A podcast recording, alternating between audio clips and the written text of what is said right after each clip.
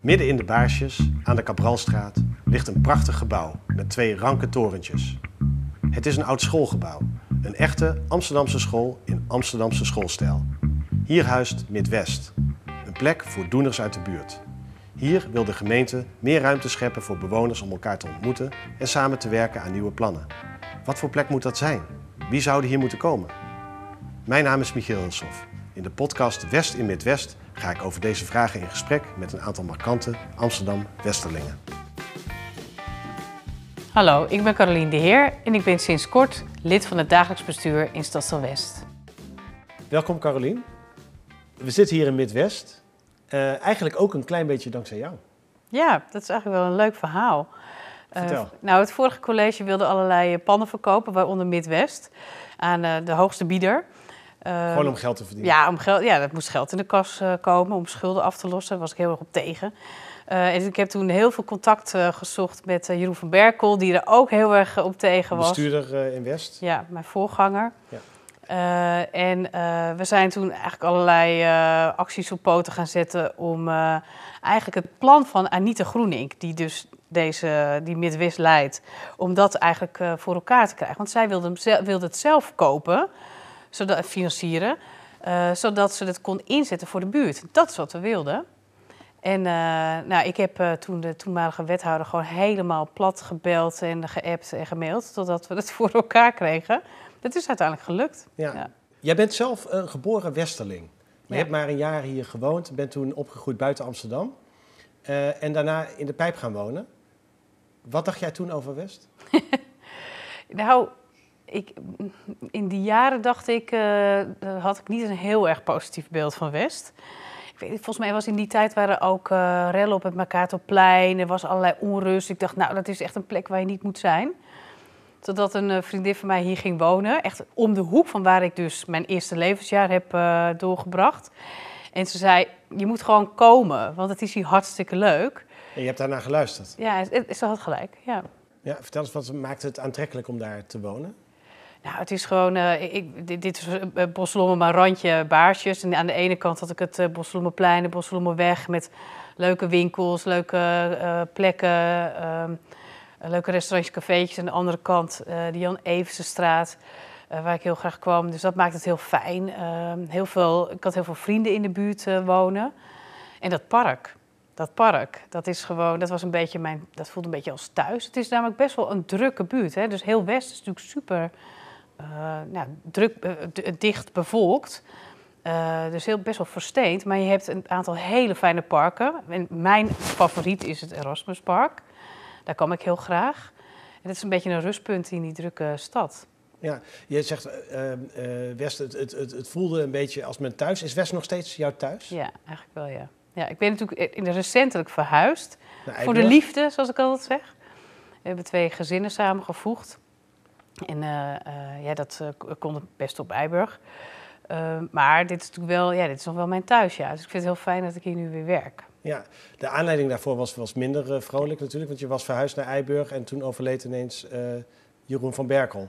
Jouw ja. voorganger als bestuurder, die je ook heel goed kent. Ehm, hoe is het om hem op te volgen? nou, toen ik daar... ik heb daar... Toen hij eigenlijk net was overleden toen kwam al uh, nou, niet zo heel lang daarna de vraag uh, of ik erover na zou willen denken om hem misschien op te volgen. Uh, toen dacht ik eerst nee, nee, dat, dat ga ik niet doen, dat kan ik niet, want dat, is, nou, dat lijkt me gewoon heel moeilijk. Ehm, want ik vond hem een hele goede bestuurder. En ik dacht, ja, hoe, hoe, moet je in godsnaam in die schoenen treden? Ik zag dat eigenlijk niet voor me. Het, het leek me ook emotioneel zwaar. Maar ik ben er toen over na gaan denken. Uh, en ook veel over gesproken, onder andere met, uh, natuurlijk met mijn vriend, maar ook wel met andere mensen. En toen dacht ik, ja, maar iemand moet hem opvolgen. Ja. Dus als, als, en wat voor iemand moet dat dan zijn? En toen ik daarover na ging denken, dacht ik, toen ik de, wat, wat voor persoon ik in mijn hoofd had, dacht ik, nou, dan kom ik eigenlijk misschien wel zelf het dichtst in de buurt. Ja. ja. nou was Jeroen van Berkel natuurlijk ook een van de grote drijvende krachten achter die beweging uh, in West om bewoners meer zeggenschap te geven over hun buurt. Uh, heb jij ook die drive die hij daarin had? Zeker. En het, uh, ik had ook uh, de portefeuille democratisering in, die had ik als raadslid. Maar vanuit de gemeenteraad vond ik het vrij ingewikkeld. Dat je er eigenlijk heel ver van afstaat. Dus nu ik hier ben, denk ik eigenlijk, oh, dit is precies waar het moet gebeuren. en ik, dus ik, ik heb, met grote passie probeer ik alles wat hij is begonnen voor te zetten en hopelijk nog verder uit te bouwen. Want ik vind het inderdaad heel belangrijk omdat uh, ik echt denk dat je door uh, mensen een stem te geven het beleid echt beter kan maken. Want het gaat namelijk over uh, mensen hun leefomgeving. Ik wil het hebben over een ander probleem. Ik wil het hebben over Boekenkastgate. een van de eerste problemen waar je als bestuurder mee te maken hebt gekregen. Um, dat was ook zo'n typisch probleem van mensen meer zeggenschap geven over hun eigen buurt en waar je dan tegenaan loopt. Dat begon met een boekenkast in de Van Limburg-Stierumstraat. Kun jij misschien iets meer vertellen daarover? Ja, dit was natuurlijk eigenlijk een prachtige casus om uh, uh, op mijn bord te krijgen zo aan het begin van uh, mijn, mijn bestuurderschap. Omdat dit gaat precies, dit is precies waar het om gaat natuurlijk. Hè. Dit, hier zijn bewoners die hebben van iets, eigenlijk iets naars. Er was namelijk in de Van Limburg-Sierumstraat was een, een plofkraak geweest. Dus er was een soort gat. die hebben gat daar, in de muur. En, ja, er was, en, dat was, en er stond niks nu. Uh, er was een pinautomaat, nou, er was nu niks meer. Daar hebben ze iets moois van gemaakt, namelijk uh, boekenkasten neergezet.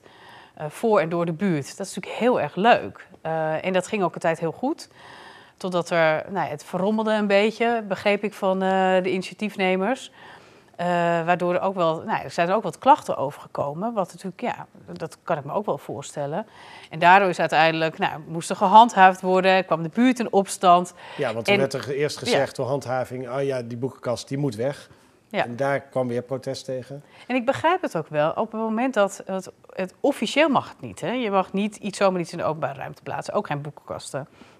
Uh, en dus op het moment dat dan uh, er wordt geklaagd, dan moet handhaving iets doen. Alleen er waren natuurlijk heel veel mensen die juist die boekkasten heel graag wilden hebben. En wat, dus, wat er nou ontstond, is dat mensen met elkaar in gesprek gingen. Oké, maar wij willen dit heel graag houden. Hoe kunnen we nou voor zorgen dat de mensen die misschien ook wel terecht klachten hadden over dat het een beetje rommelig werd, ook tegemoet komen. Dus er is een gesprek op gang gekomen.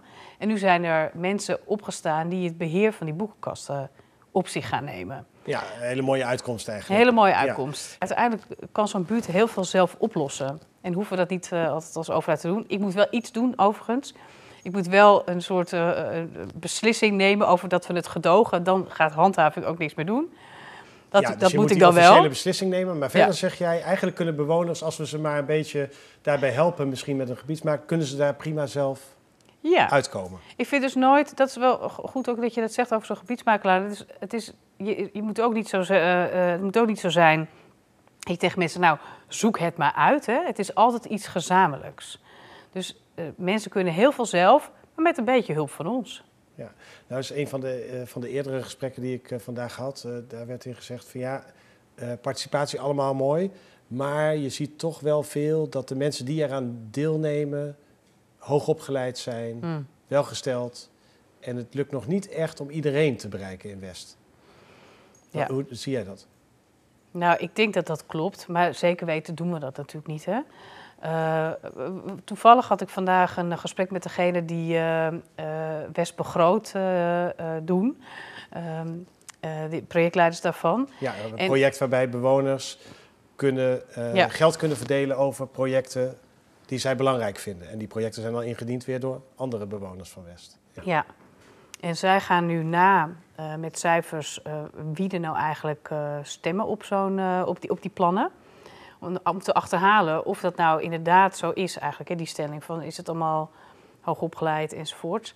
En ik ben daar ook wel nieuwsgierig naar. Sommige buurten kan ik me best wel voorstellen dat je denkt, ja, waar is de, is de overheid er ook voor mij? Dus als je in een huis woont waar schimmel op de muur staat, of een openbare ruimte die er niet heel florissant bij ligt, dan denk je toch, ja, ga dat eens eerst doen. Dat zou ik dan denken. Ja, dus het is best wel lastig om die groep echt... Uh, ja, dat ja. zeg ik. Maar dus, dus daarom is het goed om dus actief naar mensen toe te gaan en zeggen... ja, wat wilt u eigenlijk? We zitten nu in Midwest. En uh, dat moet een van de co-creatieplekken worden in Amsterdam. En dit dan de plek specifiek voor Amsterdam-West. Wat voor plek moet dat uh, gaan zijn? Nou, het voordeel van Midwest is dat dit al een plek in de buurt is dat al heel erg bekend is. Het is al een bruisend middelpunt uh, van, uh, van West. Dus als je dat dan gaat doen, dan moet je dit zeker hier doen. Want een van de dingen waar ik altijd wel een beetje nou, zorgen over heb, is of je dan ook alle mensen kan bereiken. Want je wil hier natuurlijk niet, ja, dit is een heel goede plek, als, een goede manier om mensen bij elkaar te krijgen. Maar bereik je dan ook de mensen die je misschien nu niet zo goed bereikt? Ja, dus dan bedoel je uh, ja. wat veel mensen over co-creatie zeggen of van nieuwe vormen van democratie. Dat trekt altijd weer die hippe, hoogopgeleide. ja. ja. Um, nou, dat is grappig dat je dat zegt, want toen ik voor het eerst dat woord hoorde, co-creatie, dacht ik, uh, wat een verschrikkelijke term. Dat is inderdaad een beetje zo hip. Hoe moeten we het dan noemen? Dat is... Ja, dat is natuurlijk ook zo. Dus ik ben ook niet zo van de woordenpolitie hoor. Maar het, meer de zorg van, wordt het dan niet iets inderdaad van de mensen die, alleen maar voor mensen die denken, oh leuk, hip, daar ga ik aan meedoen. Terwijl je wil juist uh, mensen bereiken die je misschien normaal niet bereikt omdat ze nu in deze tijd uh, niet zo snel uh, online gaan om hun mening te geven. Maar hier een laagdrempelige laagdrempelige plek kunnen vinden waarin ze hun boodschap kwijt kunnen. Maar, en echt voor iedereen. Maar dan is dus ook wel weer Midwest een, uh, goed voor, een goede plek omdat uh, er wordt al heel veel gedaan voor de buurt. Er worden bijvoorbeeld ook maaltijden uh, uitgegeven hier. Dus ik hoop eigenlijk dat voor mensen dit al een, een, soort als een thuis voelt. Want ik denk dat dat het belangrijkste is. Als je wil dat mensen hier naartoe komen om mee te praten over dingen, dan moet het niet een, uh, moet niet een grote drempel zijn. Dan moeten ze zich thuis kunnen voelen. Uh, niet alleen in het gebouw, maar ook met de mensen. En ik denk dat, dat, al, dat we daar al heel ver in zijn met, met Midwest. Dus dat helpt. Ja. Wat is nou eigenlijk het verschil tussen zo'n co-creatieplek en gewoon een ouderwets buurthuis? Ja, dat is een goede vraag. Misschien is er helemaal niet zo'n heel groot verschil. Behalve dat een buurthuis, uh, dat je daar kan inlopen, naar binnen kan lopen voor van alles en nog wat. Hè? Ook gewoon voor een kopje koffie. En hier willen we natuurlijk wel echt iets met mensen. Hè? Dus een co-creatieplek wil je echt mensen uh, betrekken bij uh, wat je aan het doen bent in de buurt.